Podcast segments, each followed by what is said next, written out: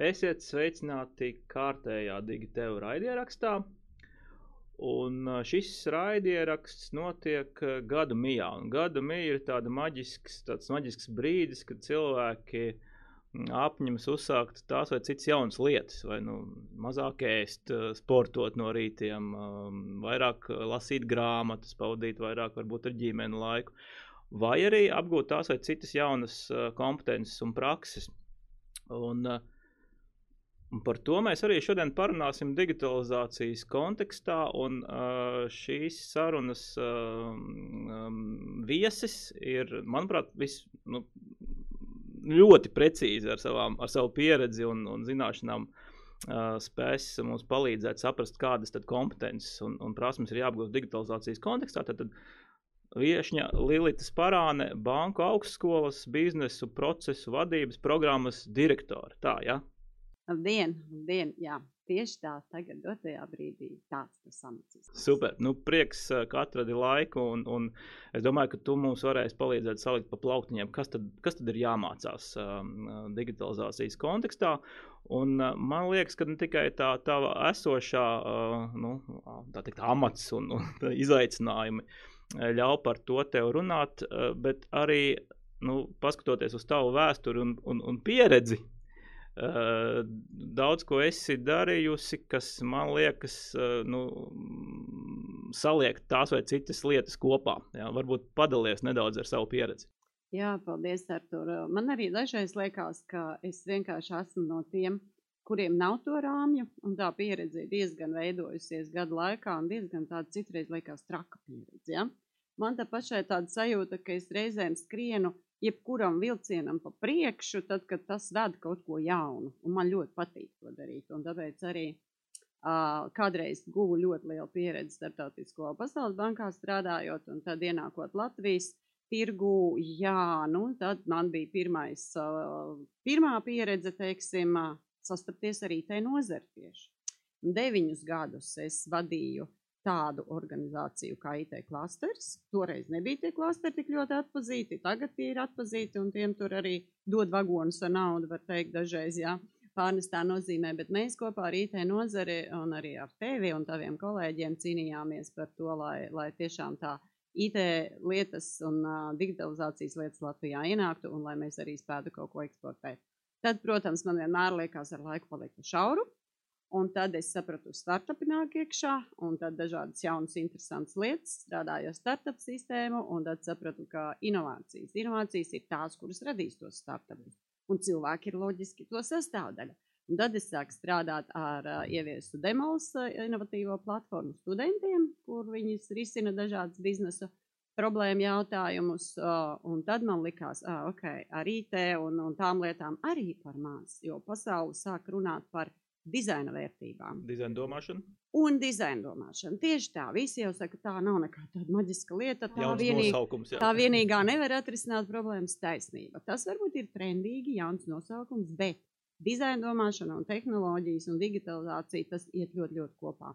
Tad es strādāju radošām industrijām, vēlkot kopā viņas ar IT nozari un, un, un, un digitalizējot daudzas lietas un atkal inovējot visu laiku visu laiku tur roku uz pulsa ar to valsts pārvaldi, arī kā tur iet ar inovācijām un, um, un dažādām jaunām lietām. Un tad, protams, uh, interesantā veidā es nekad nebiju domājis, ka es aiziešu uz akadēmisko sektoru, jā, bet banku augstskola bija tik uzcītīga, ka viņi man tomēr pierunāja uh, visas manas prasmes, kompetences, zināšanas ielikt vienā jaunā programmā.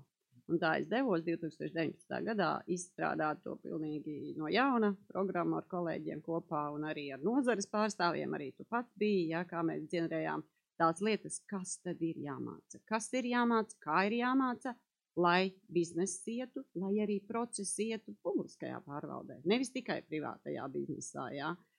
Un tā kā jūsu podkāstā nesen, pavisam nesen iepriekšējais uh, sarunu viesis bija tieši par biznesa procesu un to, ļoti, ļoti, ļoti sasaucās. Ja?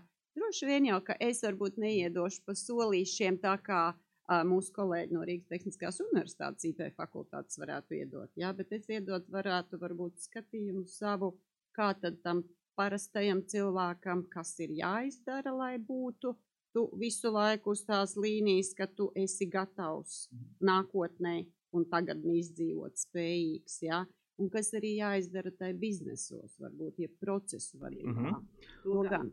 Labi, to mēs um, noteikti, par to mēs noteikti parunāsim, bet pirms tam varbūt tāds uh, šķietam vienkārši jautājums, nu, kas tad tav, būtu tava digitalizācijas uh, definīcija un, un kāda tur ir?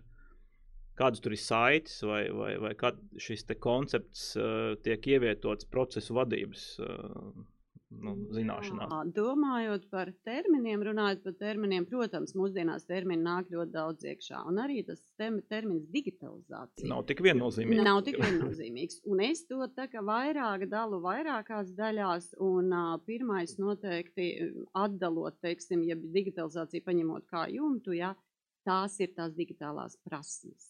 Tas ir tas termins, ar ko noteikti mums jāsāk. Tas ir digitālās prasmes, un tur ir ļoti daudz dažādu līmeņu. Es ceru, mēs pēc tam vēl tam pieskarsimies. Tad tas otrs, tā ir tā digitalizācija, teiksim, jau mazliet dziļāk, bet pāriet tajā modernajā terminoloģijā, kur ir divi vārdi, un to gan ir ieviesusi Eiropa kā digitālā transformācija. Un redzi, arī tas vārds transformācija nozīmē, ir jāmainās, ir jāpāriet no kaut kāda viena līmeņa uz nākošo. Un, protams, atkal atcaucoties uz mūsu procesu vadības programmu, mēs tur esam ielikuši ļoti plašu apmācību bloku, ja kom, kompleksu moduli bija digitālā transformācija tieši.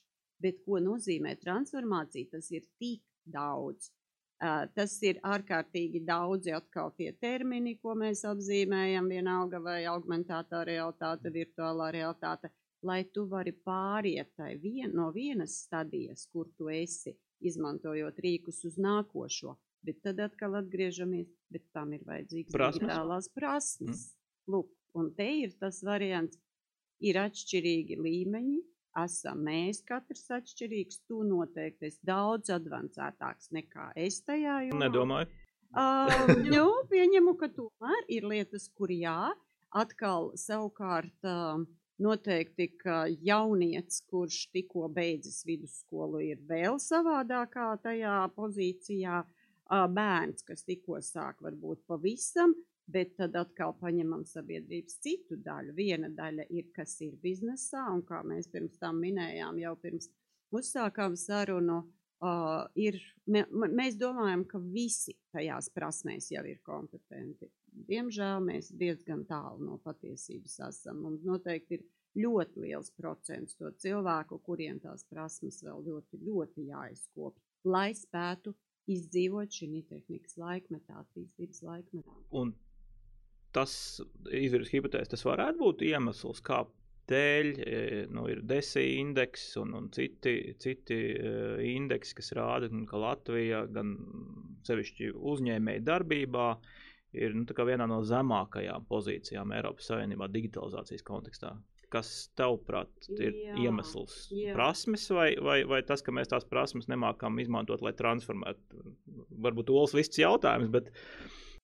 Noteikti atšķirīgs eh, ir atšķirīga būs statistika dažādos sektoros. Jā, tas arī atšķirsies. Jā, no nozars uz nozari. No nozars uz nozari tieši tā, bet ja mēs ņemam kopumu, tad cilvēka, cilvēka vispārējās digitālās prasmes. Jo ir vēl viens termins, kas tagad atceries, mums visu laiku bija IQ, ko varēja izmērīt.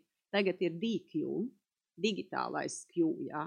Un tur ir savas lietas, ko cilvēkiem cilvēks var izmērīt, ejot cauri, kā tu uztver digitālo saturu, kā tu proti komunicēt. Tas nozīmē informācijas saņemšana, informācijas nodošana, kā tu proti sevi aizsargāt, kā tu izproti kiberdrošību, kā tu proti pielietot tās tehnoloģijas, lai kaut ko uzlabotu, un tad vēl jau vairāk, lai inovētu. Ja?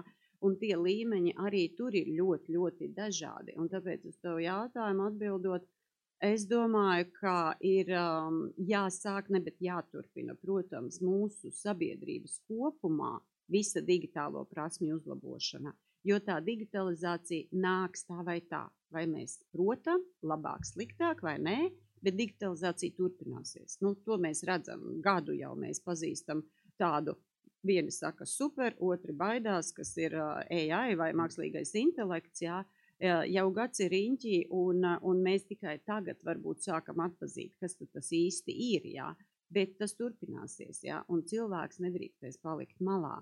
Tāpēc, jo vairāk mēs uh, spēsim tos dažādus līmeņus, sabiedrības līmeņus izglītot, iedot tās digitālās prasmes, jo arī pēc tam, man liekas, protams, bizness aizies daudz augstāk, jo ir statistika, ja nemaldos, mūsu uh, varam ministrijā ir, ir statistika, aptuveni 23% uzņēmumu visi rādītāji palielinās, ja digitālās prasmes darbiniekiem palielinās. Nu, tas runājot par biznesu, jā. Bet, protams, mums ir ārkārtīgi svarīgi, lai mēs varētu piedāvāt tos biznesa procesus digitalizētus. Mums ir jāsaprot, vai tas iedzīvotājs ir spējīgs to paņemt. Jā. Ko līdzi, ja tu uztaisi labu sabiedrībai domātu pakalpojumu, ja viņš neprot lietot, ja viņš neprot minimumu apgūt. Jā. Tā tad tas pats lietotāja pieredze, kas mums tagad ir moderna, nu, mēs to saucam UX, UI, angļu valodā vieglāk, bet tā lietotāja pieredze jādod notestēt tam vienkāršajam. Un te lūk strādā tā manā mīļotā dizaina domāšana, ko es mācu projektu vadībā un inovācijās, jā. Jo īstenībā, ja tu nenotestēsi ar dažādiem lietotājiem, bet notestēsi, teiksim, tikai ar tevi vai taviem kolēģiem, kuri vēl programmē vai, vai kuri apkalpo klientus, tas būs cits rādītājs. Un, ja tu aiziesi uz Rīgā vai, vai kādu citu veikalu, jā, līdz tepat pāri ielai un notestēsi, tad dabūs pavisam citu. Jā. Nu, pa, pamēģinām varbūt pa, pa, palikt šeit pie tās jaunā gada apņemšanās un, un, un prasmēm. Protams, tu minēji, ka šīs prasmes ir atšķirīgas um, um, par nozarēm, par droši vien izglītību, vecums.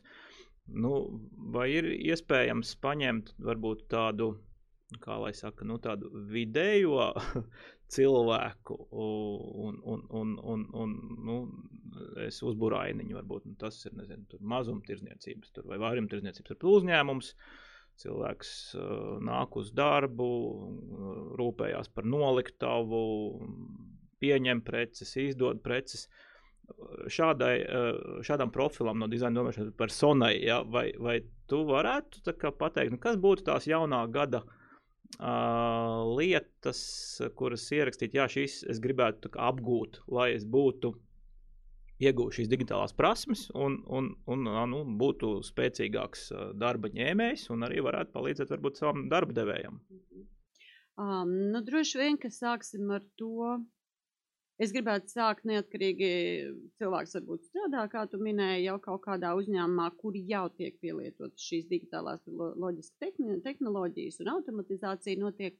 Bet tāpat laikā sāksim ar to, ka īstenībā nu, viņam ir jāsaprot tas minimums. Tāpat kā mums ir jāprot skaitīt naudu savā, ja? mums ir jābūt jau mazliet finansiāli pratīgiem, ja? lai mēs tiešām visu laiku neietu pēc lētajiem kredītiem un ir jāsaprot, cik procenti kur kas būs, ja, un kā mēs spēsim nomaksāt savus rēķinus, tāpat mums ir jābūt apgū, apgūtam minimumam. Un lai kā daudzi saka, nu jā, tikko tu atver telefonu, tā. Nu, nu jau tu zini, jau viss saprot, jau, jā. Arī tu sēdi sociālos tīklos. Tas nenozīmē, atverot telefonu mūsdienās, ka tu sēdi sociālos tīklos nevērtīgi. Ja? Pirmkārt, telefonā ir ārkārtīgi daudz rīki jau mums, un tā ir mūsu pusdzīve. Ja tu pazaudē telefonu vai ne, ja tu neesi nolicis mākoņā, kopmākonī visu atmiņā. Bet otrkārt, arī tā primitīvā, piedodiet, bet sociālo tīklu lietošana ir jāapgūst. Vismaz minimums. Jo ļoti daudz, kas aiziet caur sociāliem tīkliem, ja, informācija arī iegūst caur sociāliem tīkliem, bet tālāk jau tu arī redzi to tālāko piedāvājumu. Un tev ir jābūt spējīgam atšķirt, kas ir kas. Lūk, te ir sākās jau tas līmenis, nākošais līmenis. Tad es ieteiktu tiešām mums katram apgūt tik daudz, cik mums ir nepieciešams, bet atšķirt, kas ir vajadzīgais, kas nav vajadzīgais. Jo iespējams, TikToks visiem nav vajadzīgs, ja? Bet iespējams uh, izlasīt uh, aktuālās ziņas, ja kādā platformā izvēlēties, kuru nu jūs gribiet. Biznesa platformā varbūt vienalga LinkedIn vai Twitterī vai kaut kur. Un atsijāt, kas nāk, jā, ir ļoti, ļoti svarīgi. Bet tā būtu mēdīpratība. E, tā ir, e, tā ir mēdīpratība, bet tā ir tehnoloģija arī izmantošanas pratība. Ja? Un tad mēs ejam tālāk. Un tad mēs ejam tālāk, mums ir digitalizācijas process valstī notiek. Tev ir jāspēj uh, samaksāt rēķins. Tev ir jāspēj samaksāt rēķini, tev ir jāspēj bērnam apmaksāt iespējams kaut kādu pulciņu. Un ļoti bieži viss notiek individuāli. Kaut kādas minimālās tavas dzīves transakcijas, kuras ņem un, un, un saprot. Jā. tā kā kādreiz uh, rādīja mums uh, visas Maslow un kādas piramīdas, ja tad tagad digitalizācijas prasmes, digitālās prasmes noteikti jau ir pašā sākumā. Un ejam uz priekšu, un ejam uz priekšu, un ja tu gribi kaut kur piedalīties, un ja tu gribi būt aktīvs arī darba dzīvē un spējīgs paņemt to, ko tev darba ņēmējs prasīs, darba devējs prasīs, tu kā darba ņēmējs tev ir jāsaprot, ko ar to darīt. Un atkal minēšu šo pašu jauno jauno trendu, kas ir mākslīgais intelekts, ko ar to darīt. Ja? Visi saka, jā, tagad pašam nebūs jādomā, un mākslīgais intelekts atņems darbu. Nu, nebūs gluži tā. Bet tas palīdzēs gan. Un tas pats cilvēks, ko tu noraksturoji, vairumtirdzniecības, loģistikas vai noliktavas vadītājs, viņš varētu būt sākumā neizmantoja to, to mākslīgo intelekta iespējas, jo viņam likās, ka nevajag. Bet tagad darbā sāk uzlabojumus veidot. Ja? Un vai nu viņam pašam tas viss jāizģenerē un jāatrod, vai nu viņš prot pajautāt mākslīgajam intelektam, kas tas varētu būt. Un pēc tam, man liekas, ir pirmā prasme, kas ir nākošais gads jāapgūst, ko ar to mākslīgo intelektu es personīgi, kā vienkārši cilvēks, varu izdarīt. Pirmkārt, tas mani nebaidīs, ja es sākšu saprast, kas tas ir. Otrakārt, tas man palīdzēs paskaidrot maniem bērniem, varbūt pat, jā, Un treškārt, manā darba dzīvē tas varētu palīdzēt arī. Ja vai nu esošā darbā, vai meklēt nākošo darbu, var palīdzēt ģenerēt jūsu CV, var palīdzēt uh, atbildēt uz jautājumiem. Un, piemēram, piemērs vakar ar studentiem strādāju. Risinam problēmu jautājumu, viņi ir nonākuši pēc problēmas definēšanas līdz ideju ģenerēšanai. Un Viņiem liels pārsteigums pēkšņi visiem, ka es saku, tagad jūs atveriet mobilos jūsu telefonus, paņemiet kaut vai binga lietotni, jā, un prasiet, kādas idejas jūs piedāvātu manam risinājumam. Tad bija tā pirmkārt tāds šoks, ah, mums atļauj to darīt. Vispār jā? es drīkstu, jā. Es drīkstu, jā, tieši tā. Tu esi mudināts, un tad parādās prasme, vai tu ar to digitālo rīku proti sarunāties. Vai tu proti uzdot pareizi konkrēto jautājumu? Nu, tā saucamais promptus, jā? Jā, jā, tieši tā. Un ja tu neesi iepazinis, kā ar to rīku strādāt, tu pirmkārt viņu nolieksi, pateiksi, ka tas neko nedara. Galīgi garām, viņš tur kaut kādas stulbas atbildes man dod. Jā, un ko man tas izdarīja, iedos, jā. Otrkārt, tu aizejot uz darbu, tad, kad tev vadītājs varbūt teiks, um, tev ir jāuzraksta tāds ļoti labs pamatojošs šēpas, tur desmit mūsu esošajiem klientiem, lai viņus pieturētu, ja, lai viņi neaiziet pie cita. Nokavējām piegādi, bet uzraksti to tā, kad Tā, kad viņam patiks, jā.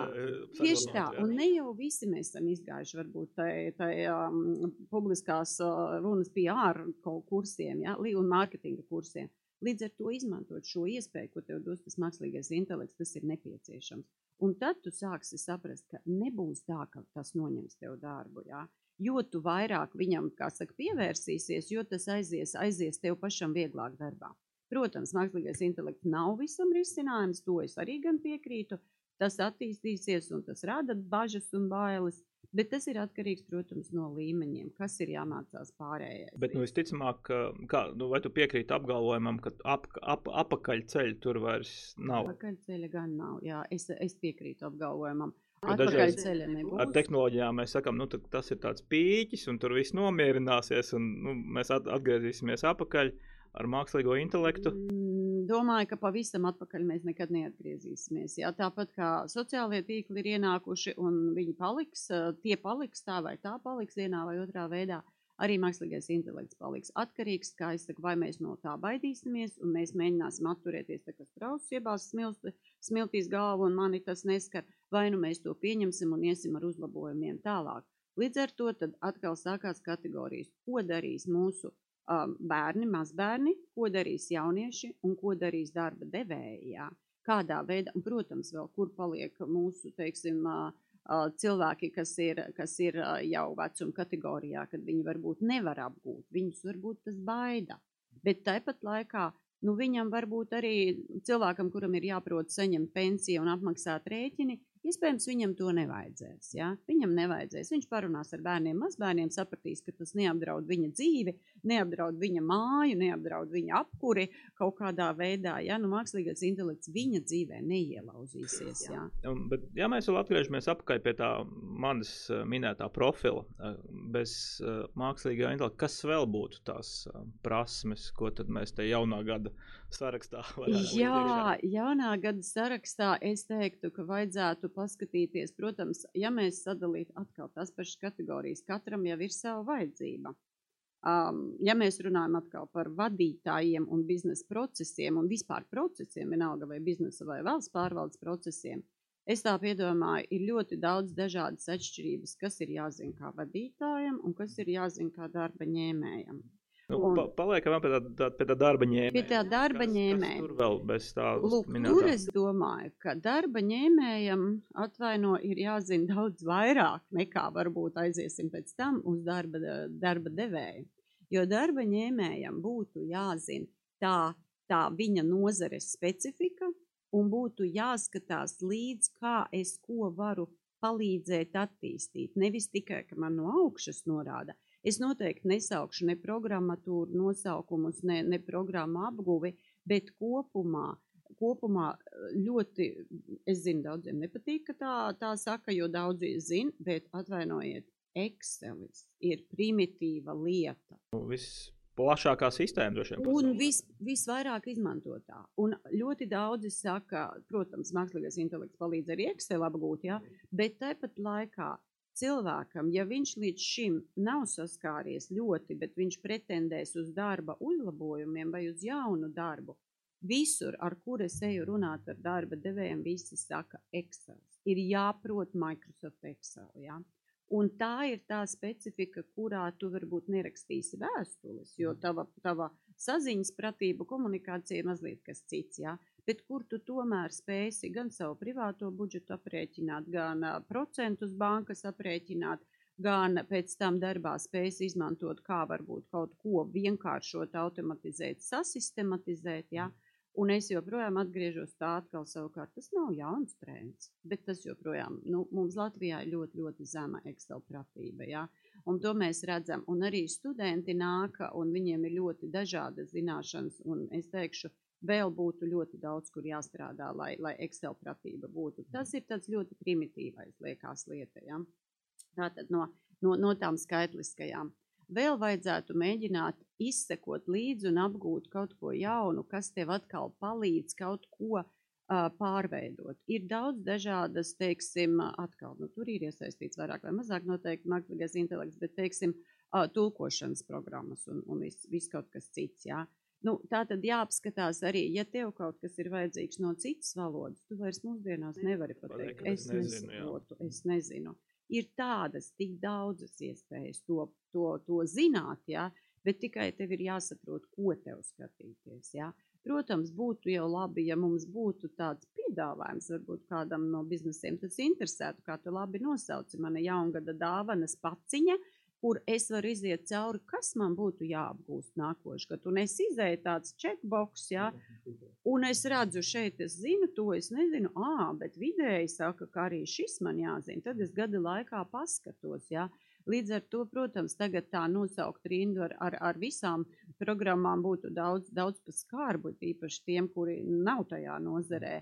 Bet es domāju, tas piedāvājums digitālās prasmes uzlabot noteikti. Skatīties noteikti. rīkus skatīties rīkus, ko es varu vēl, un pie tam tagad ir tik ļoti daudz opcijas mācīties tiešsaitē. Tev nav jāiet nekur, tev nav jāvelta tam laiks, tev tikai vajadzīgs raksturs. Jā, tas ir ļoti grūti, gan, protams, arī. Nu, kā ar visām jaungada apņemšanām. jā, arī uz uh, sporta zāli mēs apņemamies iet. Un, bet, bet tas nozīmē mūsu, mūsu treniņš, kā mēs, protams, sadalīt laiku. Protams, arī tur ir kursi, kā mēs, protams, sadalīt laiku un kā tev tas jā, jāapgūst. Prasme atstāt sev laiku jā, savai attīstībai. Jā, jā. Un vēl ko es gribēju piemetināt, nebaidīties. Jo, piemēram, ļoti daudz cilvēku saka, es nesaprotu, kas ir augmentētā realitāte, kas ir virtuālā realitāte, ko ar to darīt, kas tas tāds ir. Un ir īpaši cilvēki, varbūt, kad ir gados, neminēsim gadus, jā, tad viņi saka, nē, nē, nē, man no tā bail, nē. Bet viens piemērs. Es aizēju uz Latvijas Nacionālo biblioteku. Tur ir izstāde viena, un tur ir blakus Rīgas C izstāde.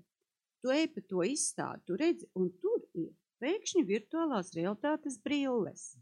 Un tu vari tur izstādē, paņem, izmēģini, un es pavēroju, cik ļoti maz cilvēki grib izmēģināt, jo viņiem, ja tur nestāv blakus un neiedrošina, viņiem ir tāda baiļu sajūta, nu, ko es tagad uzlikšu, es neko nesapratīšu. Un tas mans mudinājums un aicinājums citiem būtu neiet garām šīm iespējām, tur, kur tās ir publiski izvietotas. Tagad ļoti daudzos muzejos ir iespēja virtuāli paceļot pasaulē, telpā, laikā, izbaudīt 3D, 4D dimensijās. Pats tu staigā un tu vari pat savu māju nākotnes paskatīties, kā izskatīties, bet nevajag iet garām. Jo dažreiz nevajag pat kursus, lai tu saprastu, kas tas ir virtuāla augmentētā realitāte. Tas ir pašsaprotam, tad ir arī, ka to, to saskaries. Jā, tieši tā. Vēl tāda maza sīka lieta, ko tikko saskārāmies, vērtējām skolēnu mācību uzņēmumus, cits bazārs. Un kas ir QR kodi? Cilvēkiem vajag saprast, kas ir QR kods un mēģināt to atpazīt. Pirmais QR kods ir sabiedriskā transportā tu iekāpjot redzi, bet es ticu ļoti liela cilvēku daļa nezin, ka to sauc par to QR kodu vai latviešu valodā arī esot termins, es tagad nevaru pateikt kvadrātu kods vai kas tas tāds bija. Bet tas ir otrs, ko vajadzētu iemācīties lietot, jo ļoti bieži tā informācija tiks pasniegta arvien vairāk, redzot šo kvadrātiņu, ja? un tad tu vienkārši, tev ir jāsaprot, kur tavā telefonā ir šis rīks, ko tu ar to var izdarīt. Un tad tu vari gan izlasīt, gan uzreiz samaksāt, jo viens no skolānu uzņēmumiem bija izcils. Viņi bija uz sava stendiņa uzlikuši QR kodus, dažādas Instagram, Facebook tā, un tad maksāt. Un es uzēju, un viņš man uzreiz atved uz manu Svetbankas mobīlo lietotni, un es varu samaksāt viņam 8 eiro. Izcili. Un tur vecuma ierobežojumi nav. Tur varētu būt, ka tas ir jāapgūst cilvēkiem, lai viņi vienkārši spētu normāli, bez stresa nākošo gadu pavadīt ļoti daudz. Ja? Es liekas, Viļņā redzēju no pat restorānā, kur bija QR kods. Šeit mums var pateikt paldies par servisu. Jā, un, ja ļoti labi, ļoti labi. Un aizpildīt arī var, jā, anketas.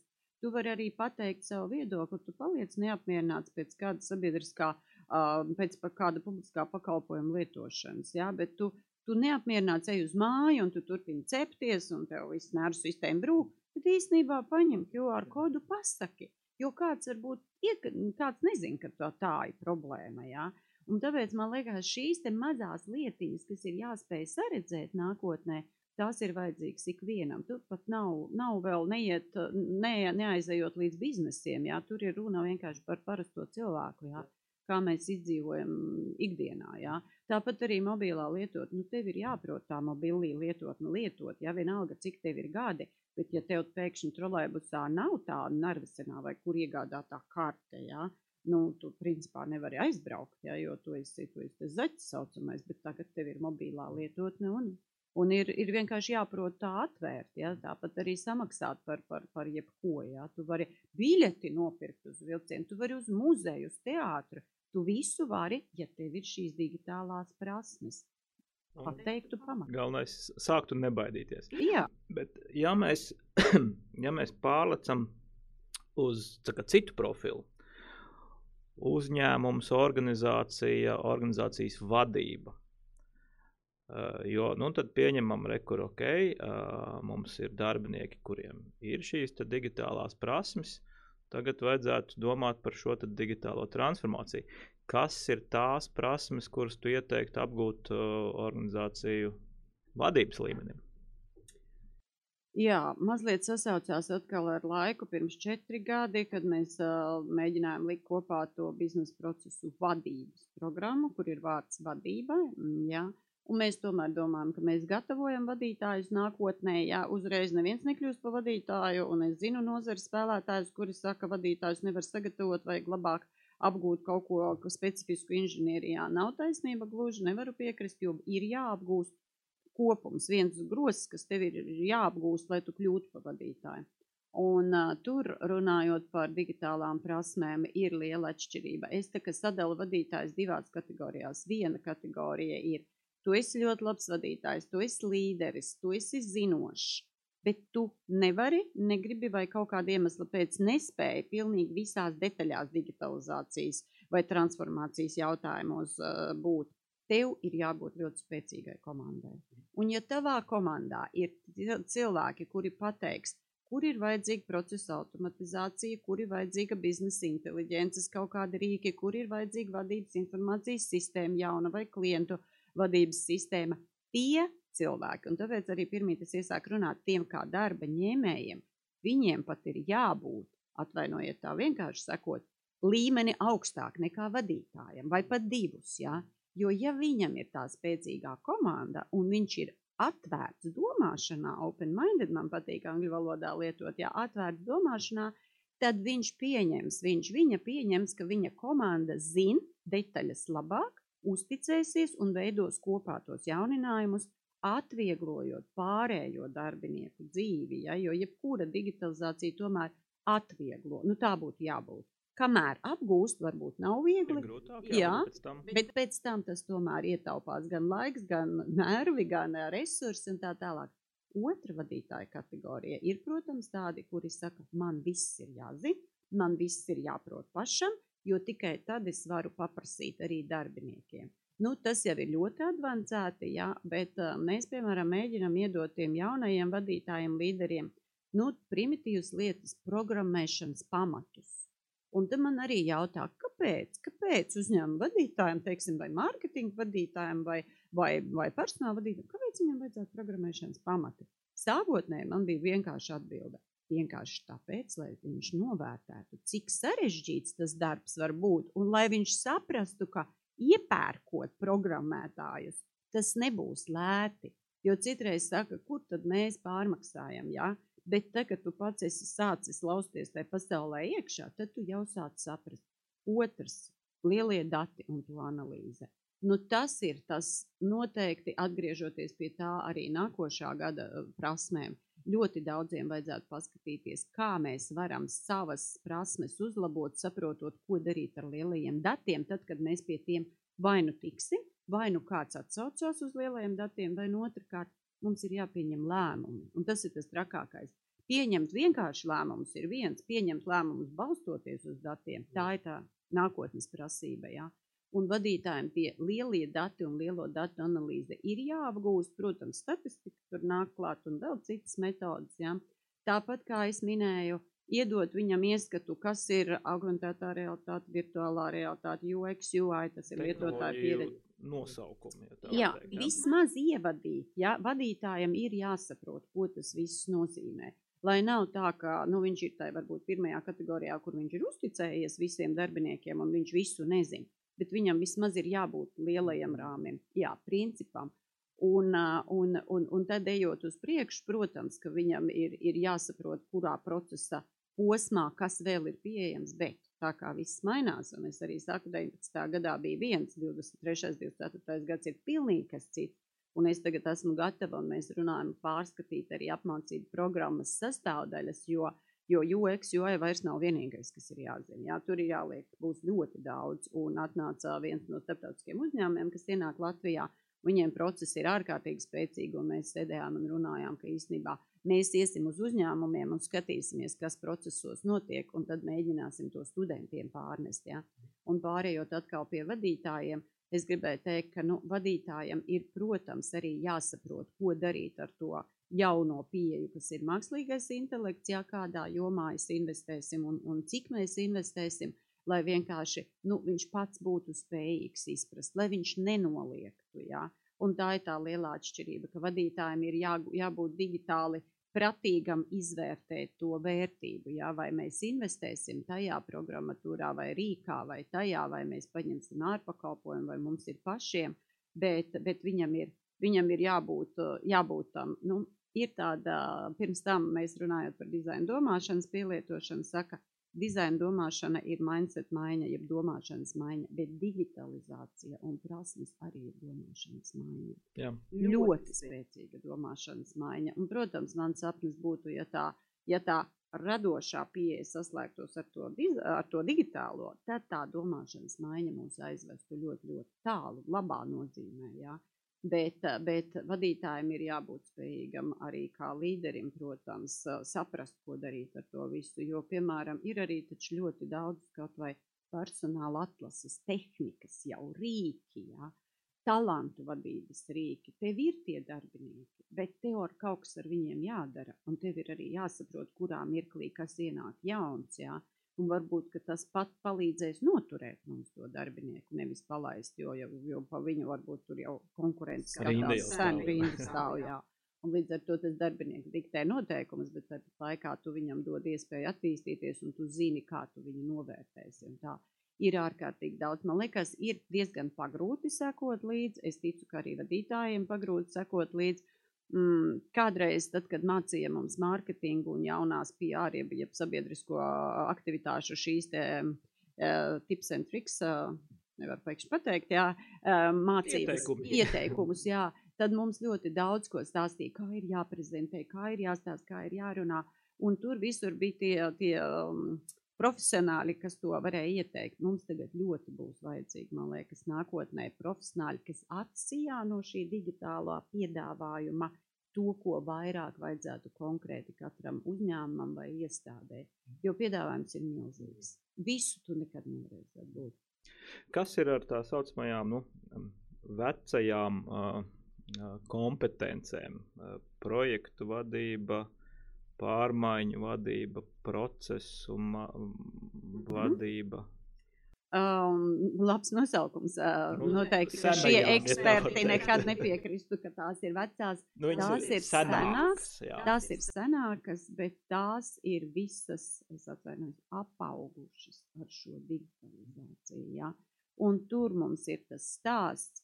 Projektu vadība ir ļoti sena, bet tāpat laikā mēs arī sakam un mācām, ir klasiskā projektu vadība ar ūdenskritumu metodu, bet ir arī agile, kur tev ir iespēja pavisam citādi pastīties, un agile atkal ir ienācis no digitālās pasaules, ne?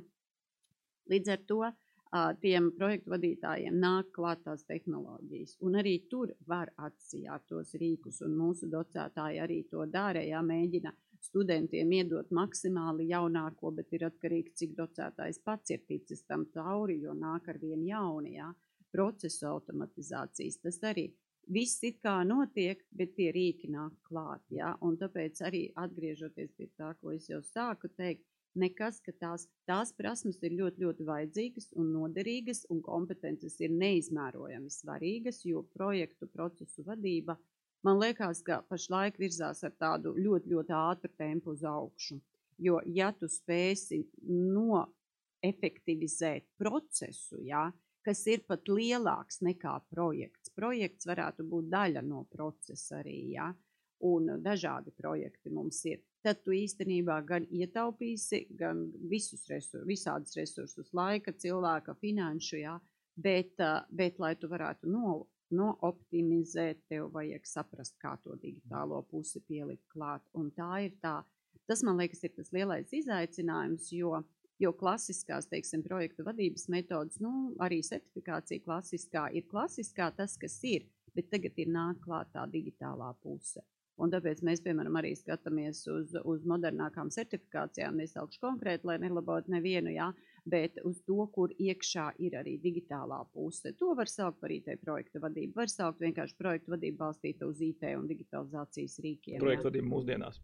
Mūsdienās arī tā varētu saukt. Jā, katrs nosauc savādāk, un tad cits saka, jā, bet tā ir tāpat kvalitātes vadība. Loģiski, kvalitāte jau rodās, ja tu pielieto visu konkrēti. Jā. Bet, protams, visur apakšā ir cilvēks. Un tur ir tas moments, man liekas, lai vai kāda rīka nāks, lai vai kas būs, cilvēks ir aiz tā rīka. Gan cilvēks ir to rīku pats veidojis, uzprogrammējis, gan cilvēks to lieto. Jā. Un vēl trešais cilvēks, kas māca, kā to lietot. Jā. Tātad trīs cilvēku kategorijas ir. Jā. Un, un atšķirības būs noteikti, noteikti ļoti, ļoti liels. Un kā mēs pastāstīsim, ko ar to darīt, tas noteikti būs. Un kā parasti saka, vienkāršā valodā tev ir jāmēģina pastāstīt, kāpēc man tas ir jāzina, kāpēc man tas ir jāmācās. Arī, arī bērniem noteikti, tas ir tas, kur viņiem sākumā Minecraft aizrauja, jā, vai nu tētim mammai telefonu dabū un kaut ko es tur paskatos. Nu, visprimitīvākais, man liekas, ir skatīties kaut kādus YouTube video, tur tev baigo gudrību nevajag. Tev tikai vajag mācīt podziņus atrast. Un viņi māk to, man liekas, jau divos gados ir tāds tiek, ja? Nu, mēs esam kaut kā nokļuvuši pie tās mūsu sarunas jau beigām, un es dzirdēju bērnus, es dzirdēju vienkārši mūsu podkāstu vai raidierakstu sauklis ir kā, nu, vienkārši par sarežģīto.